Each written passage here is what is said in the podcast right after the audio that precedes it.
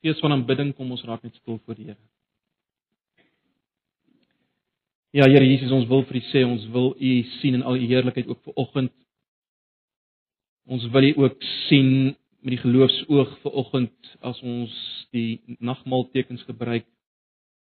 Tot vra dat U ons oë sal oopmaak om ons eie toestand te verstaan sonder U om U vanoggend weer beter te verstaan leer, te leer verstaan en ook wat dit beteken om U te volg. Asseblief, Here, gebruik U woord werk deur die Gees ten spyte van ons gebrokenheid, ons sonde, myne en elkeen wat hier sit.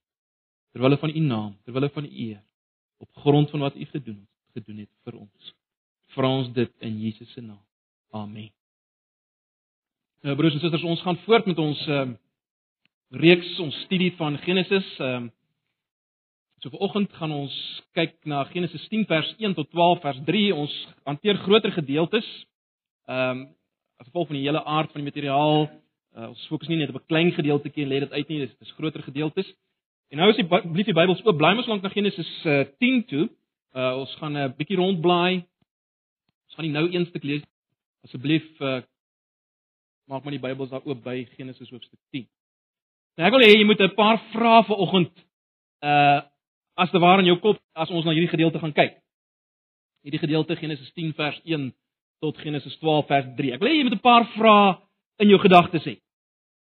Die eerste vraag is dit: Wat is die ergste sonde waaraan jy jouself kan skuldig skuldig maak?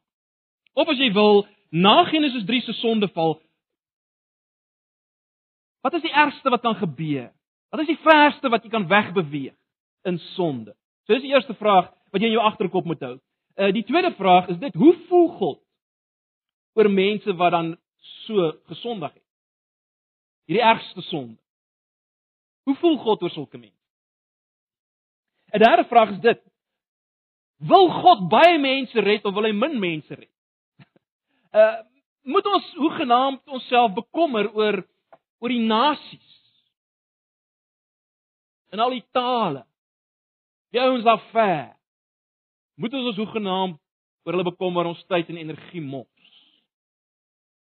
En dan 'n vierde vraag wat ek wil hê jy moet in jou agterkop hê, is dit: Wat beteken dit regtig om 'n Christen te wees?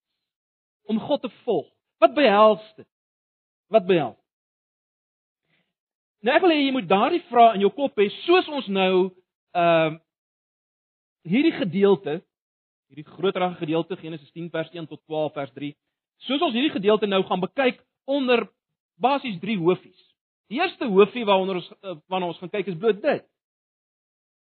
Die toring van Babel en die toestand van die nasies. Dis die eerste opskrif vir julle. Sal ek ook daar kry op julle preekraamwerk.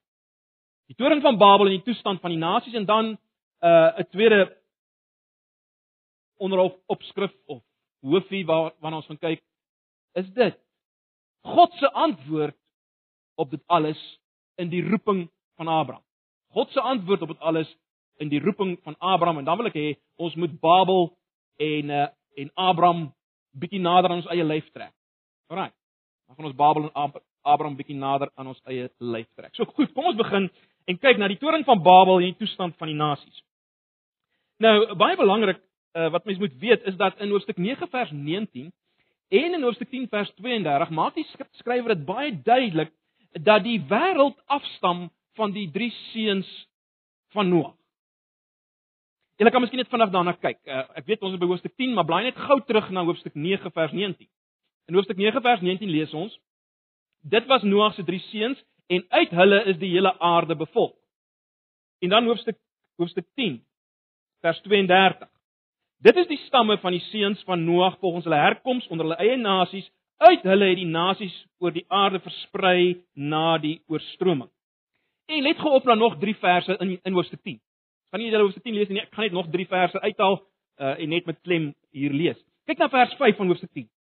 Uit hulle het die mense wat nou die kusstreke bewoon daarna toe versprei volgens hulle stamme en nasies, elkeen met sy eie taal. Dis vers 5. Kyk na vers 20. Kyk na vers 20. Hulle is almal die nageslag van Gam met hulle eie stamme en tale in hulle eie lande en onder hulle eie nasies. vers 31. Hulle is almal die nageslag van Sem met hulle eie stamme en tale in hulle eie lande en onder hulle eie nasies. Die vraag is nou maar hoe dit gebeur. Hoe dit gebeur waarvan ons hier lees. Hoe dit gebeur dat hierdie mense versprei het, uh, elkeen met hulle eie taal en met hulle eie land, eie nasie. Hoe dit gebeur. Wel, dis wat die skrywer vir ons hoofstuk 11 vertel. Hoofstuk 11 vers 1 lees so: Die hele wêreld het net een taal gepraat. So, kan jy sien wat hier gebeur? Die skrywer spring terug, né? In hoofstuk 11 spring die skrywer terug. Uh, skrywers doen dit baie, né? Skrywers doen dit baie. Hulle het die reg om dit te doen. Uh spring in tyd weer terug in 'n volgende hoofstuk. Met ander woorde, kronologies as jy wil om dit eenvoudig te maak, kronologies kom hoofstuk 11 voor hoofstuk 10, né? Nee. Hoofstuk 11 kom voor hoofstuk 10. Dit is baie duidelik. Nie moeilik om te raak nie. En dit bring ons nou by by hoofstuk 11. Ek dink ons almal ken die die verhaal van die toring van Babel min of meer van buite. Maar broers en susters, ek weet nie of ons almal presies besef wat hier gebeur het nie. Ons ons ken die verhaal al van kleins af, maar maar ons weet nie altyd wat presies of ons besef nie altyd wat presies hier gebeur het nie. Ek meen, wat is die groot probleem hier?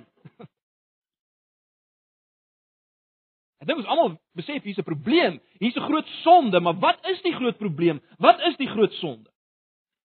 Want kyk, dit is baie duidelik dat hier is 'n dramatiese draaipunt in die geskiedenis van die wêreld, né? Nee, tot op hierdie stadium werk God met almal wat daar is.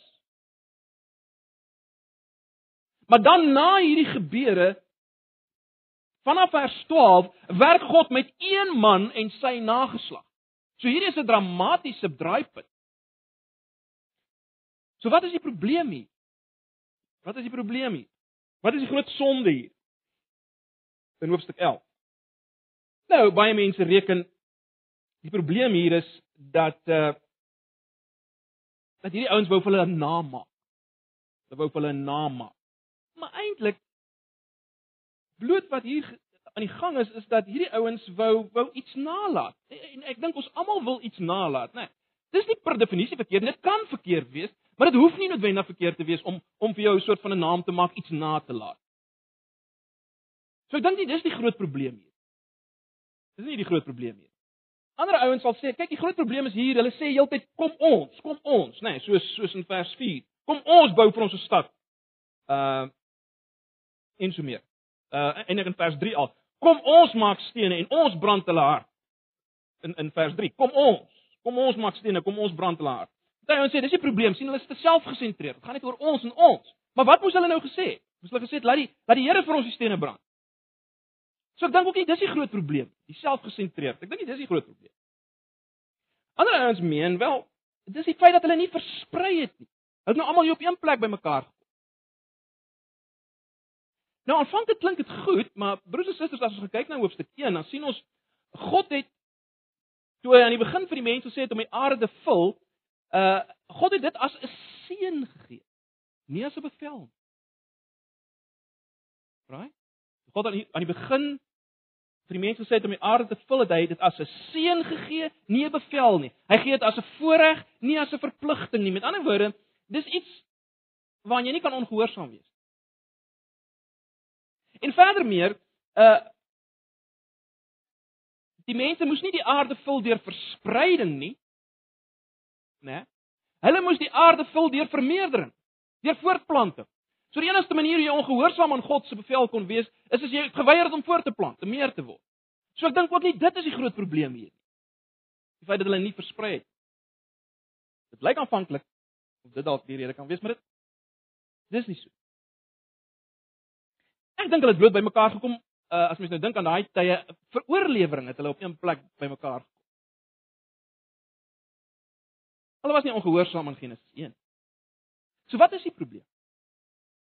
Wat is die groot sonde? Wel broers en susters, die die groot sonde en die probleem is bloot dit, die stad met sy toring. Die stad met sy toring. In vers 4 lees ons van 'n stad. Kyk na vers 4 van hoofstuk 11. Toe sê hulle kom ons bou vir ons 'n stad met 'n toring waarvan die punt tot in die hemel reik en ons maak so vir ons 'n naam. Nou, Ons moet onthou die stad waarvan hier gepraat word is nie 'n stad soos ons daaraan dink waar klomp mense bly nie. Eh, die stad waarvan hier gepraat word is eintlik 'n klomp, kom ons noem dit administratiewe geboue as jy wil, uh met uh, met 'n uh, voedselopgaarplekke wat verbind is aan 'n tempel. As jy wil, dis 'n tempelkompleks. Hierdie stad was was 'n tempelkompleks. En dit bring ons by die toring. En dit is baie interessant. Ons moet onthou, die stad waarvan hier gepraat word is is 'n ou Mesopotamiese stad, as jy wil. 'n tipiese stad wat ons in die ou Mesopotamië vind. En daarom is daar geen twyfel dat die toring wat waarvan hier gepraat word is 'n sogenaamde en ag die naam is nou nie so belangrik nie. Hulle noem dit 'n ziggurat. Dis die dis die toring waarvan hier sprake is, 'n ziggurat. Hierdie ziggurat was die mees prominentste uh gebou in hierdie kom ons noem dit tempelkompleks in ou Mesopotamië. Uh, en argeoloë uh, bevestig dit dat daar heel wat was uh ook ou geskrifte bevestig dit daar was heel wat van hierdie goed gewees. Ander woorde, hierdie toring was 'n ziggurat en die skrywer uh, skrywer wil hê sy lesers wat nou bekend was met van die goed in die ronde onder die ander nasies, uh hulle moet besef dat hier was die eerste sogenaamde ziggurat. Hulle moet dit raaks.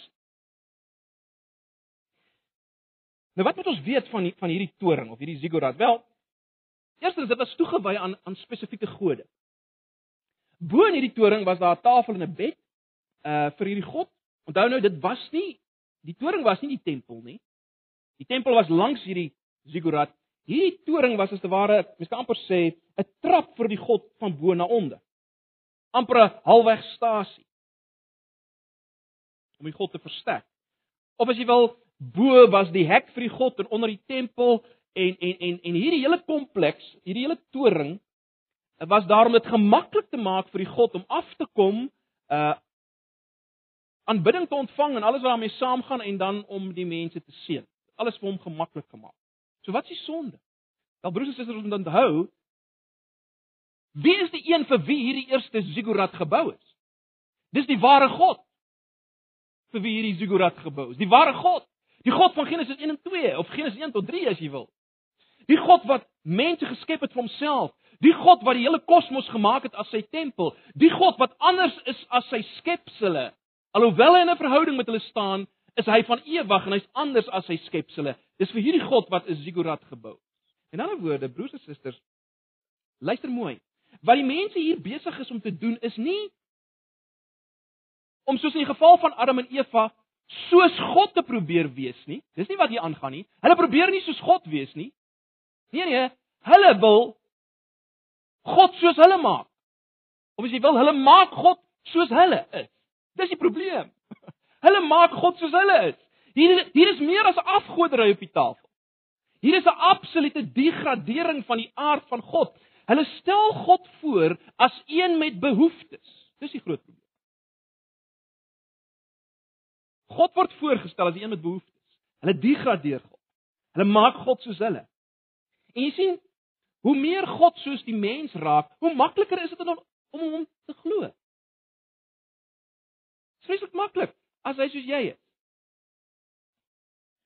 Maar jy sien, as die God soos jy is, dan het beide jy en die God menslike aptyte. En wat gebeur dan?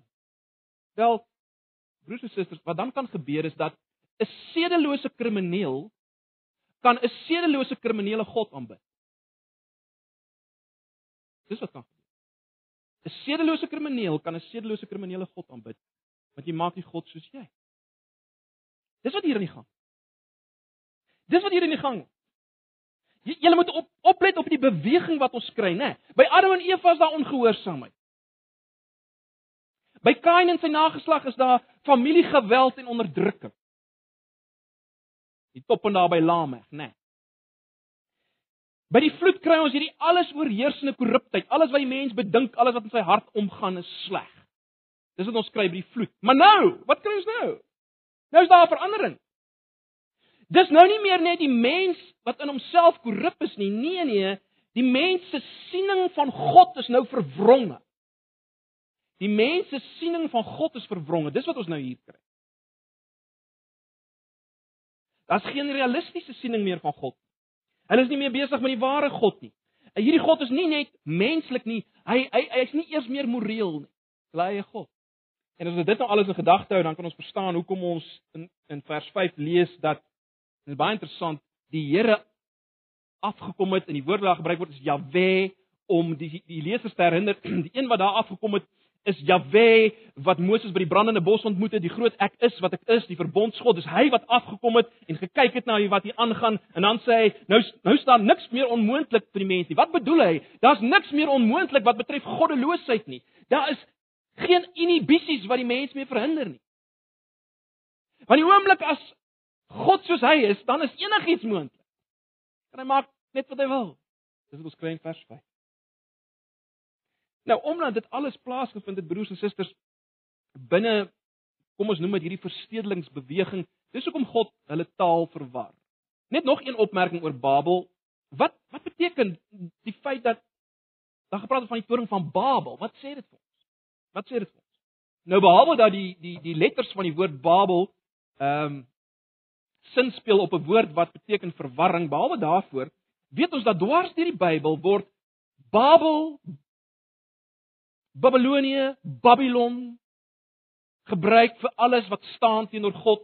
En daarom uiteindelik as jy kom in Openbaring ehm um, Openbaring 18, 19 dan dan Jesus van die die val van Babylon, Babylon wat die toppunt is van sonde dwars deur die Bybel. Dis nie toevallig dat dit die toring van Babel is. Dit bring ons by ons tweede groot punt. God se antwoord in die roeping van Abraham. So broers en susters, hierdie mense wat God menslik wou maak is nou versprei in nasies met elkeen hulle eie taal. En nou kom die skrywer van Genesis en wys vir ons wat is God se reaksie op dit al. Nou, die eerste ding wat ons hier moet raak sien is dat uh vanaf vers 10 van hoofstuk 11 word daar weer gepraat oor die oor die nageslag van Sem. Nou Sem was die geseënde een. So wat wil die skrywer vir ons wys? Hy wil wys dat selfs hierdie geseënde geslagslyn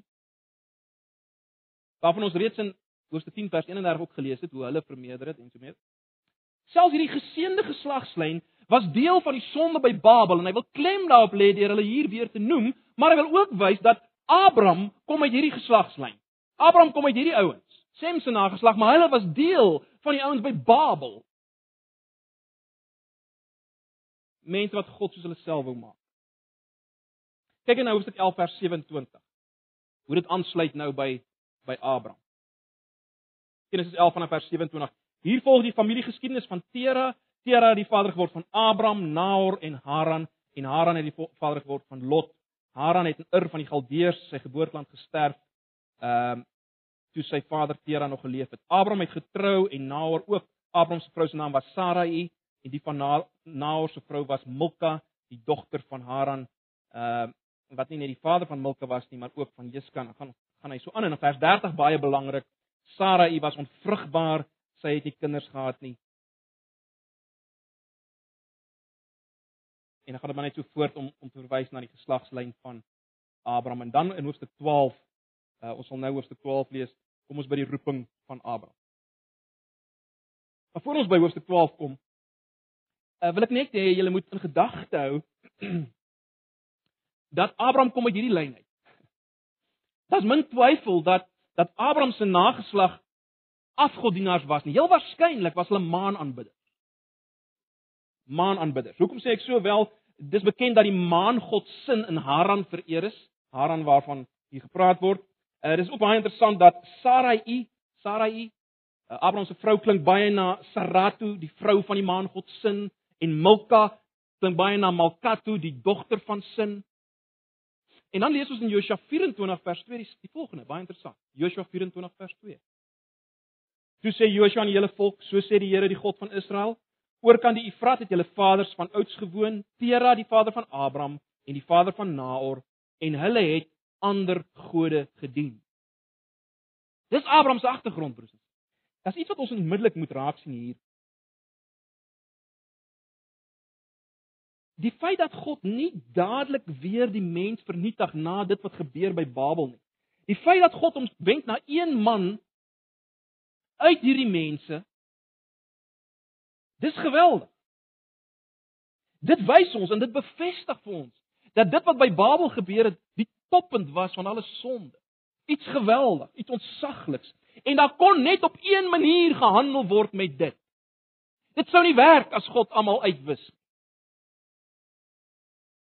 Net een kon die probleem oplos, die nageslag, die saad van Abraham. En as ons in die Nuwe Testament kom, ek gaan nie nou daarop uitbrei nie. As ons in die Nuwe Testament kom, dan weet ons hierdie nageslag, hierdie saad van Abraham, is niemand anders as Jesus Christus, die seun van God, God self. Dis die enigste manier hoe hy kon gehandel word met dit wat hier gebeur. Nou goed. Voor dit gebeur, of laat ek dit so stel. Dit kon nie dadelik gebeur nie. Hierdie nageslag van Abraham kon nie dadelik kom nie. God moes eers weer homself opnuut openbaar. Want hulle het vergeet wie die God is van Genesis 1 tot 3. So God moes weer wys wie is ek? Hy moes nuut begin en daarvoor was die verbond nodig met Abraham, 'n verbondsverhouding met Abraham waarin God uiteindelik kon wys dis wie ek is.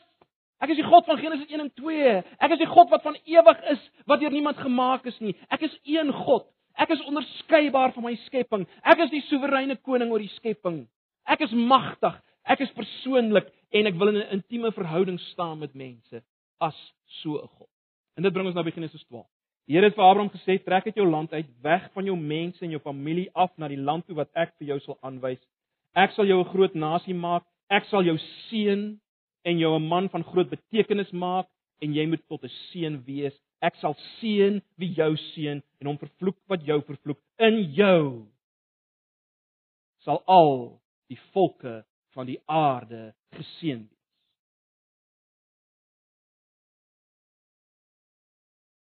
Nou broers en susters, hierdie roeping van Abraham is radikaal. Selfs vir ons wat in die 21ste eeu leef, is dit geweldig om te verhuis, eh, te emigreer selfs nou met met alles wat ons het en wat dit so maklik maak. So ons kan maar net vaag wegraai wat dit kom beteken het vir iemand soos Abraham om om alles wat hy geken het te los. Sy familie, sy stam, sy land en om 'n lang onsekere tog aan te pak na 'n misterieuse bestemming in antwoord op 'n God wat hy nie op hierdie stadium ken nie. ken op hierdie stadium nie hierdie God.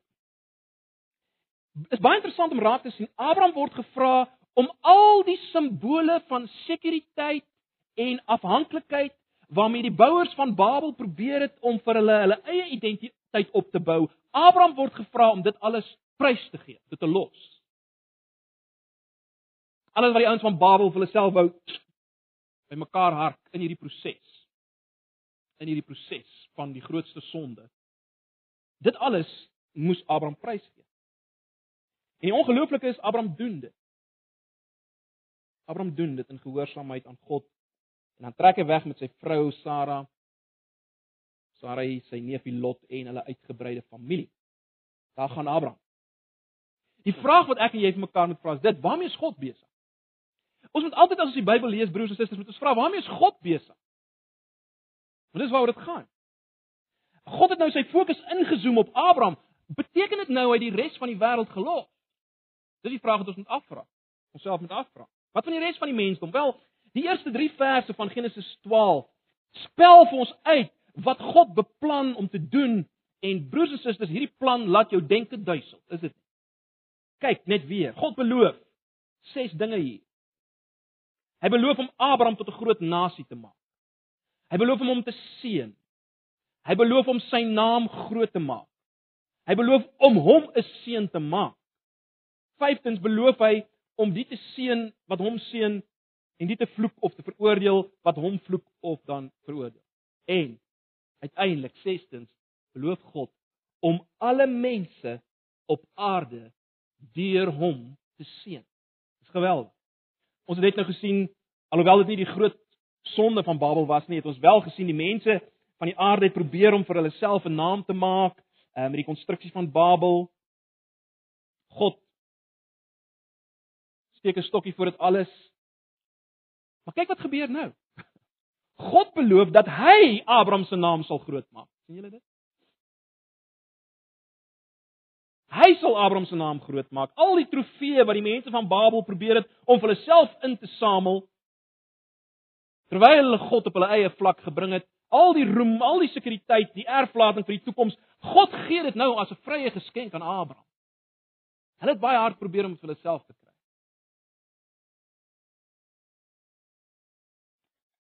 En so sien ons hoe God gaan reageer op op uh op dit wat wat totaal verkeerd gegaan het in die skepping, né? Nee. Deur Abraham gaan God 'n nasie tot stand bring, Israel, maar baie belangrik. Alhoewel hierdie volk God se mense sal wees uit al die nasies van die aarde, wil God deur hulle vir die aarde, vir al die nasies van die aarde 'n seën bring. Met ander woorde, ja, dit is so dat verder nou in in die Ou Testament val die fokus op Abraham en sy nakommelinge, die volk Israel. Maar in dit alles het God nie die wêreld vergeet nie. Inteendeel, dis hoekom hy hom kies. Dit is baie interessant om te let na die woordjie seën wat gebruik word in vers 1 tot 3. 'n Sekere vorm van hierdie woordjie seën word 5 keer gebruik hier. As jy gaan tel, sal jy sien dit word 5 keer gebruik. Nou, die woord seën is baie betekenisvol hier in die eerste hoofstukke van van Genesis dit druk God se doelwitte uit vir vir sy skepsele, naamlik om vir sy skepsele alles te gee wat hulle nodig het in hierdie skepping om hulle doelwitte te vervul. Dis wat seën beteken. Beteken God se doel om vir sy skepsele alles te gee wat hulle nodig het om te doen waarvoor hy hulle bedoel het. In kontras met seën staan vloek, né? Nee. Ehm uh, God se vreeslike oordeel oor die wat rebelleer teen hom. En nou is dit interessant. Vyf keer word daar gesê God sal Abraham seën. Of vyf keer word die woordjie seën gebruik. En dit staan in kontras met die woord vloek wat tot hier in Genesis 5 keer voorkom. Dit is baie doelbewus. Dit is baie doelbewus. En ons sien dat dat dat die vloek oor die mensdom het hulle vryheid gekos. Dit het vervreemding van die aarde gekos. Gaan lees maar hoofstuk 3. Dit het vervreemding van mekaar gekos. Gaan lees maar hoofstuk 4. Dit het uiteindelik die morele agteruitgang beteken waarvan ons lees in hoofstuk 9. Wat sê God vir ons? Met ander woorde, as ons lees van hierdie vyfvoudige seën, wel ons ons sien hier dat dat God besig is om deur Abraham die vloek van die skepping om te keer. Is dit? God gaan deur Abraham die vloek van die skepping omkeer. Deur sonde het God 'n vloek oor die skepping gebring. En nou is God hier besig om sy doelwit vir die skepping te herstel. En hy gaan Abraham gebruik as die middel om dit te doen. Hy gaan Abraham gebruik as die middel om dit te doen. Wat sê dit broers en susters? Dit sê net eenvoudig vir ons dit: God sal sy wêreld herstel. Hy het nie opgegee op die wêreld sal sy wêreld herstel. Dit is baie interessant as mens kyk na wat hier aangaan. Uh hoe die skrywer vir ons wil wys dat dat hier 'n nuwe begin is. Julle sal weet by Noag sien ons iets van 'n nuwe begin as God vir Noag baie dieselfde dinge sê as wat hy vir Adam sê. Maar hier sien ons dit weer, is dit nie? Dink 'n bietjie. Aan Adam is 'n tuin gegee. Aan Abraham word die land Kanaan beloof. God sê aan Adam om vrugbaar te wees en te vermeerder. God beloof aan Abraham dat hy hom so sal vermeerder dat sy nakommelinge uiteindelik sal wees soos die sterre aan die hemel en die sand van die see. Hy brei later daarop uit in Genesis 15:17 en so voort. Ons lees dat God gewandel het met Adam in die tuin as mens die 53 vertaling, die meer letterlike vertaling het, dan sal jy sien in Genesis 17 vers 1 staan daar Abraham het met God gewandel. Of God sê vir Abraham wandel voor my aangesig liewers, wandel voor my aangesig.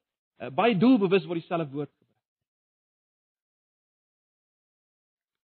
So wat sê ons mekaar? Abraham se roeping is die antwoord van God op dit wat verkeerd gegaan het broers en susters in Genesis 1 tot 11. En let nou op, baie belangrik. al die nasies van hoofstuk 10. Al die nasies van hoofstuk 10 wat die gevolg is van hoofstuk 11 wat voor hoofstuk 10 moet kom. Al daardie nasies gaan geseën word deur die nageslag van Abraham. Baie belangrik. Baie belangrik. Goed, kom ons bring dit alles nou nader aan ons lewe. Kom ons bring Babel en Abraham bietjie nader aan ons lewe. Wat leer ons van onsself en wat leer ons van die nasies? Of as jy wil, wat leer ons van onsself as deel van die nasies? Of wat moet ons raak sien? Wel broers en susters, kom ek stel dit so. Ons moet verstaan dat die Babel-sindroom vloei baie dik in ons are, hoor. Die Babel-sindroom word nie net gesien in die ouens wat daar ver bly, die heidense volke wat hulle eie goetjies maak en dit daar neersit en dans rondom die goetjies en en en al hierdie dinge nie. Met al hulle feeste nie. Die Babel-sindroom word nie net gesien in Hollywood wat dink God is 'n blote grap en 'n stopwoord en 'n uitroepteken na elke sin nie. Dis nie alleen waar die Babel-sindroom gesien word. Die Babel-sindroom word nie net gesien in ons wat van ons wat vanmôre hier sit wat dink ons kan maar lieg en skinder en dinge wegsteek soos ons wil. God is oral daarmee. Hy soos ons. Dit word nie net gesien in ons wat dink ons kan God saamneem. As ons kyk na buite huwelikse seks op die televisie op of uh, in die teater nie. Ag hy soos ons, hy's so ryk daarmee. Ek vat hom saam. Ek vat hom saam as ek luister na musiek wat wat in alles wat die lirieke sê teen God indruis en wat hy wil vir die mens. Ek vat hom saam, hy's so ryk daarmee. Die Babel-sindroom word nie net daarin gesien word daar. Maar nie net. Dit word ook ook gesien broers en susters. Dit word ook gesien as ons bid vir selfsugtige doelwitte. In ander woorde die Babel-sindroom word selfs in ons gebede gesien.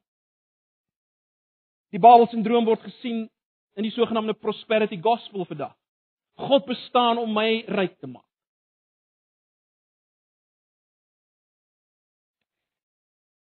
Die Babel-sindroom word gesien as ons dink ons is onmisbaar vir God as gevolg van die geld wat ons skenk vir sending. As gevolg van ons van ons as gevolg van ons talente is ons onmisbaar of my wonderlike bediening. God kan nie sonder my bediening nie. Die Babel-sindroom. Of as ons God soos 'n kind behandel. Liewe Jesus. Die Babel-sindroom. Ons dink hy is soos ons. Hy dink ons dink hy's 'n kind die magtigste skepsel in die heelal. Of aan die ander kant van die spektrum as ons dink hy's 'n tiran. En dan word daar die gevaar om 'n om 'n om 'n as jy dit so kan stel, 'n hanteerbare God hê, 'n God light as jy wil. Hanteerbare God. Dis een gevaar. Die ander gevaar is weer 'n totale tiran God. Dis alles tekens van die Babel-sindroom. Of as jy dink God is soos jy. In die sin dat hy hou jou dop.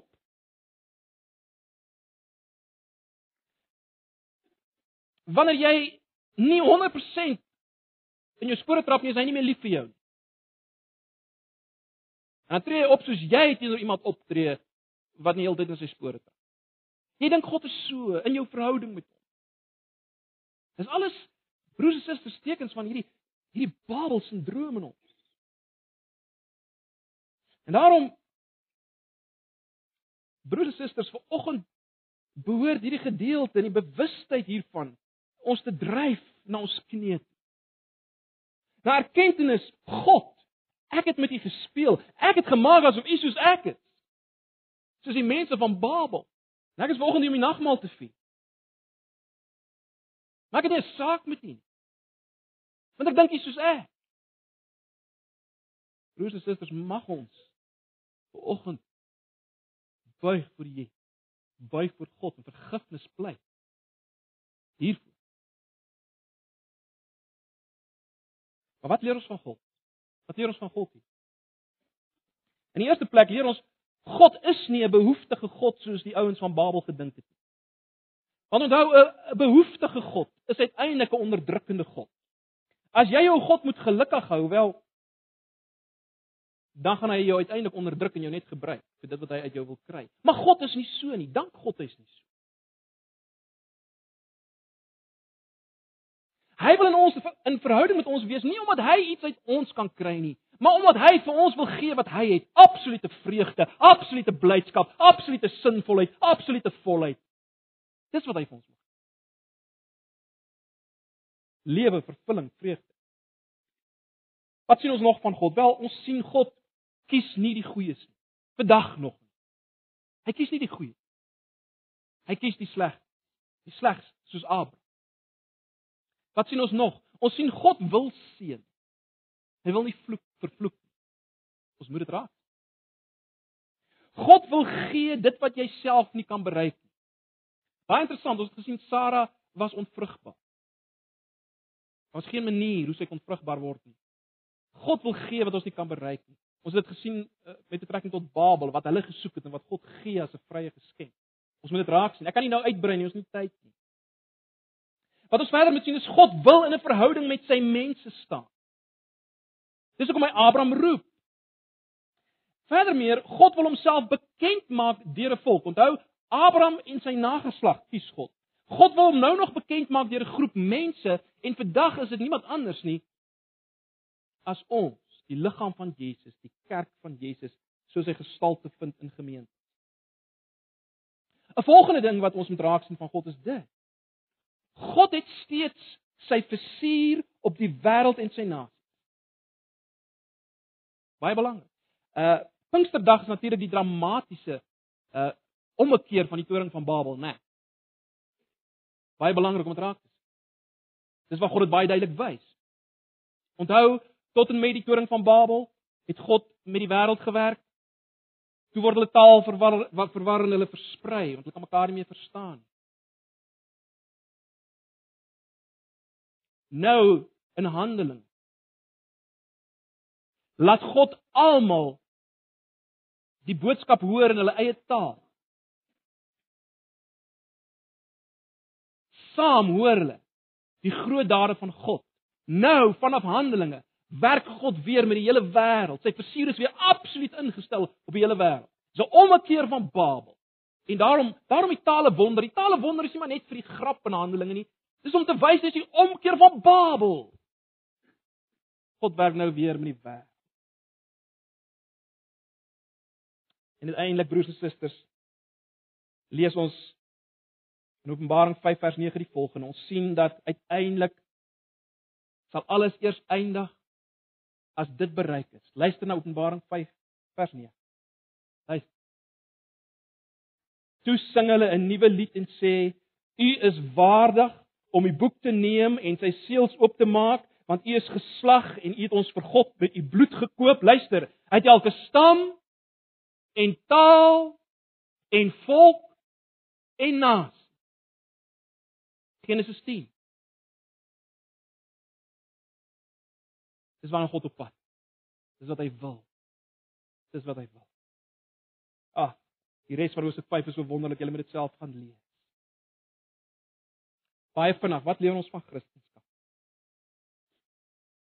Wat leer ons van Christendom hier?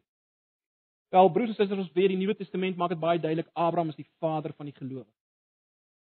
In ander woorde, in hom en wat God met hom doen, sien ons iets van van wat dit beteken om kind van God te wees. Eenvoudig gestel.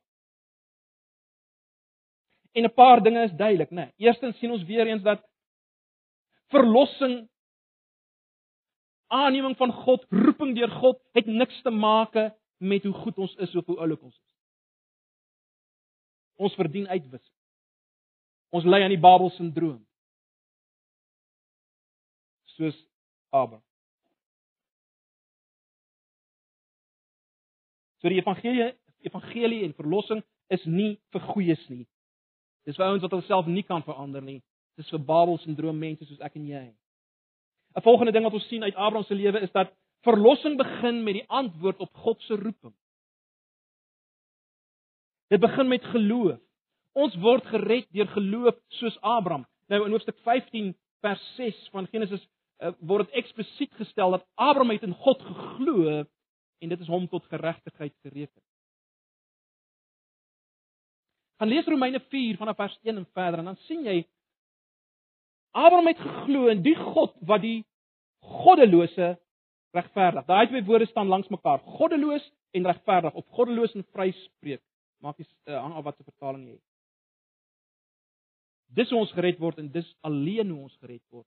As goddeloses wat glo in God wat ons vryspreek. Hoekom kan hy dit doen?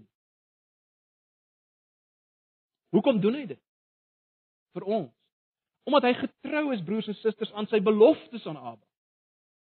Miskien kan julle net vanaand blaai na Galasiërs. Kyk net vanaand na Galasiërs 3 vers 8.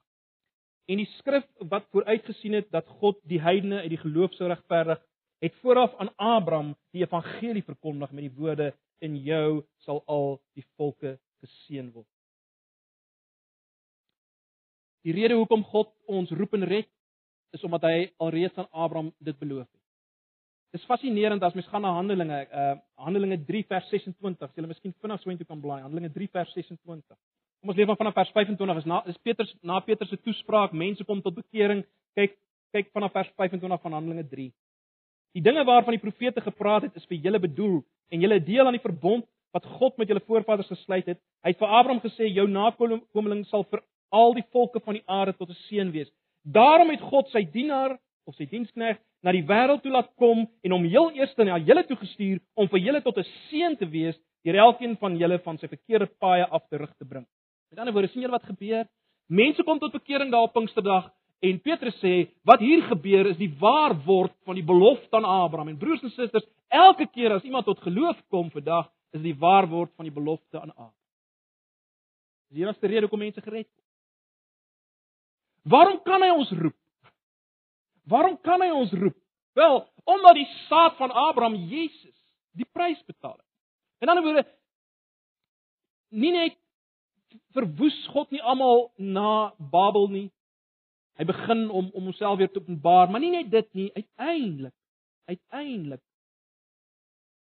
kom die beloofde saad van Genesis 3 vers 5. God die seun God self hy kom leef in 'n regte verhouding met God in ons plek en hy sterf in ons plek as verbrekers van hierdie verhouding as Babel sindroom mense. Dis die enigste manier, rede hoekom ons gered word. Baie vinnig. 'n Christen is 'n kind van Abraham. Galasiërs 3 vers 7, as jy nou nog is by Galasiërs, kyk na vers 7. Julle verstaan dan dat die wat uit die geloof is, hulle is kinders van Abraham. En broers en susters, daarom is die Christelike lewe van begin tot einde 'n lewe van geloof. Baie belangrik. Dis deur geloof. Ons kan nie sien nie. Dis deur geloof dat ons God leer ken binne 'n verhouding, 'n verbondsverhouding. Abraham het God leer ken deur geloof. Deur 'n pad wat hy gestap het, deur geloof. 'n Verhoudingspad. Baie vinnig In die lig van Abraham se roeping moet ons mekaar sê dat Christendom behels 'n radikale verlaat van alles wat deel was van jou ou lewe. Daar bestaan nie so iets soos 'n Christen wat nog kan vashou aan sy ou lewe nie. Ons sien dit in Abraham, die vader van die gelowiges. Dit behels 'n verlaat. Dit behels 'n vind van baie meer. Maar dit behels 'n verlaat van dit wat jy gehad het. God haat lou Christendom. Hy sê in Openbaring omdat julle lou is, sal ek julle uit my mond spoeg. God kan nie mense verdra wat sê hulle glo, maar die geloof het nie impak op hulle lewe nie. As jy nie 'n kind van Abraham. Hierdie geloof het alles omgekeer. Ja, hy was nie volmaak nie, hy was nie perfek nie. Hy was gebroken, hy was vol sonde, maar dit het alles om. Verder meer Christendom sien ons het alles te maak met die met mekaar maak van 'n nuwe groep mense. Abraham se nageslag word die volk Israel, né? Nee. Baie interessant. Ek ek ek, ek weet ons tyd stap aan, maar as jy gaan lees in Eksodus ag ja, Eksodus 19 vers 6, dan sê God as hy as hy weer 'n verbond sluit met die nageslag van Abraham daar by Sinai, dan sê hy vir hulle: "Julle is 'n uitverkore volk, 'n koninklike priesterdom onder die nasies." Dan word julle moet as te ware tussen my en die nasies staan, vir hulle iets wys van wie ek is, hoe ek lyk sodat hulle kan deel word daarvan. Hulle moet hierdie die wonderlikheid in julle sien van dit wat ek gee. Dis wat God sê vir Abraham se nageslag in die Ou Testament. Baie interessant ons gaan na 1 Petrus 2 vers 9. 1 Petrus 2 vers 9. Dan sê Petrus dis vir dit vir die gemeente aan wie hy skryf: "Julle is 'n uitverkore volk, 'n koninklike priesterdom, geroep om die welda om om om die groot dade van God te verkondig." Dis waarvoor ons bestaan, broers en susters. Dis waarvoor ons hier is.